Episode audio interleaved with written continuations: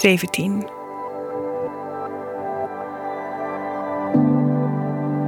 Onze herinneringen zijn vervormd.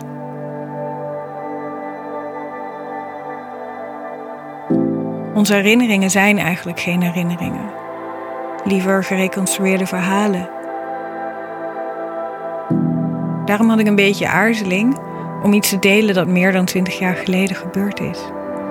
Een verhaal dat niet op papier bestaat, alleen in mijn hoofd. Dus, een disclaimer voor de feitelijkheid van dit verhaal. Want waarheid spreken vind ik belangrijk. Maar soms is het effect van een verhaal belangrijker dan de feitelijke gebeurtenis zelf. Ik was een jaar 15 en een vriendin vroeg me of het geen tijd was voor een vriendje. Mijn antwoord was dat ik waarschijnlijk wat meer van mezelf moest houden eerst, mezelf wat leuker moest vinden, voordat ik een ander toe kon laten dat te doen.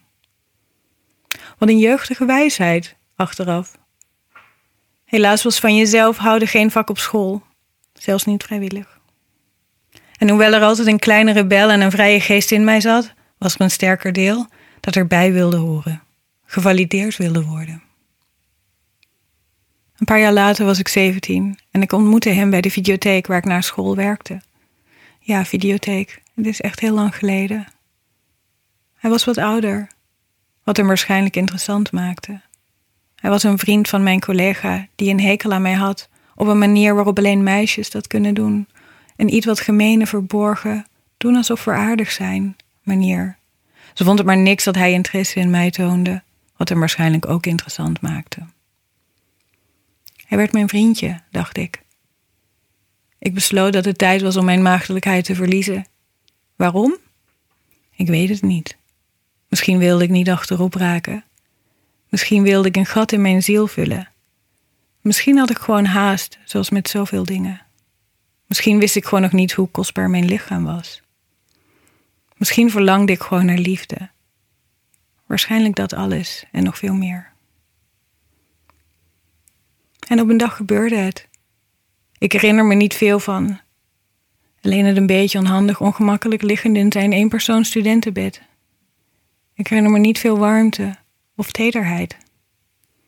Jarenlang voelde ik niet zoveel als ik eraan terugdacht. Maar nu kunnen mijn ogen nog steeds een beetje tranen, omdat mijn volwassen ik weet dat het lichaam van het 17-jarige onzekere meisje er niet echt klaar voor was.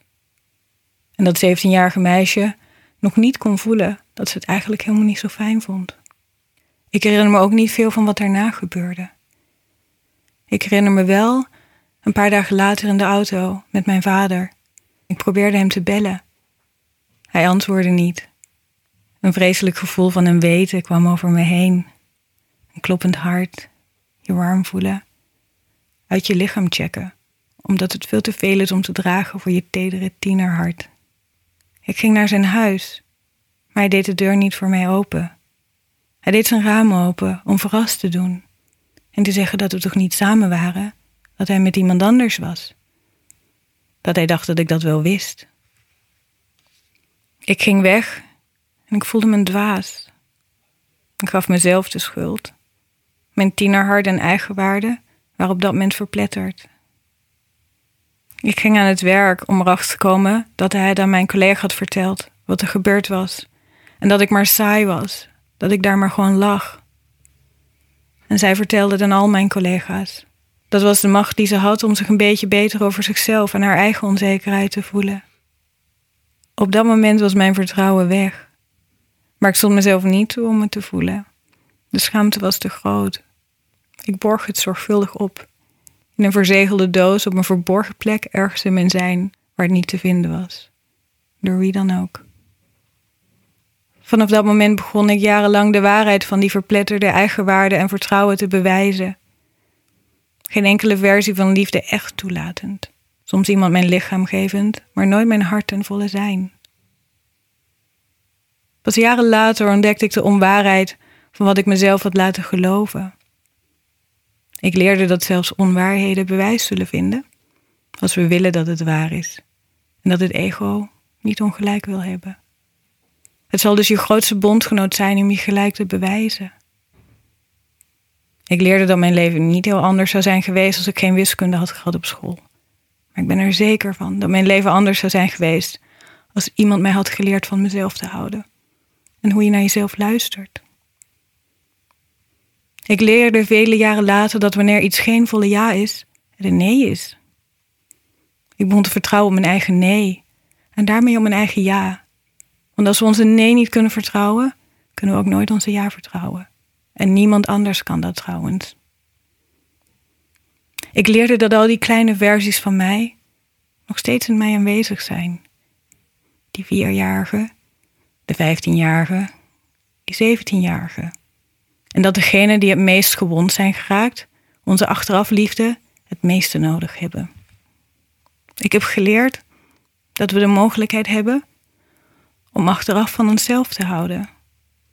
Al die keren en jaren dat we niet in staat waren om dat te doen. Dat ik terug kon gaan naar de momenten dat ik mezelf in de steek liet. Mezelf de liefde kon geven waar ik eigenlijk naar hunkerde.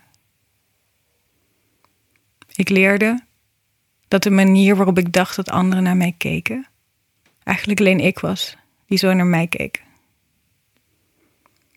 Ik leerde weer vertrouwen. Mannen, maar bovenal mezelf. Tot slot, steen voor steen. Ze probeerde te genieten herinneren, stopte het weg in een diep, donker hoekje van haar wezen, bouwde er muur omheen en verborg het diep, voor haarzelf en anderen. Totdat ze op een dag de muren af begon te breken. De muren die haar van weerhielden de schaamte, de pijn, de woede te voelen. Om te ontdekken dat ze daarmee de trots, de vreugde en de liefde ook begroef. Al die tijd dacht ze een koevoet nodig te hebben om de muren rond haar wezen en hart open te breken. Maar ze gebruikte geen koevoet om haar tedere hart te bevrijden. Ze deed het met haar blote handen, steen voor steen.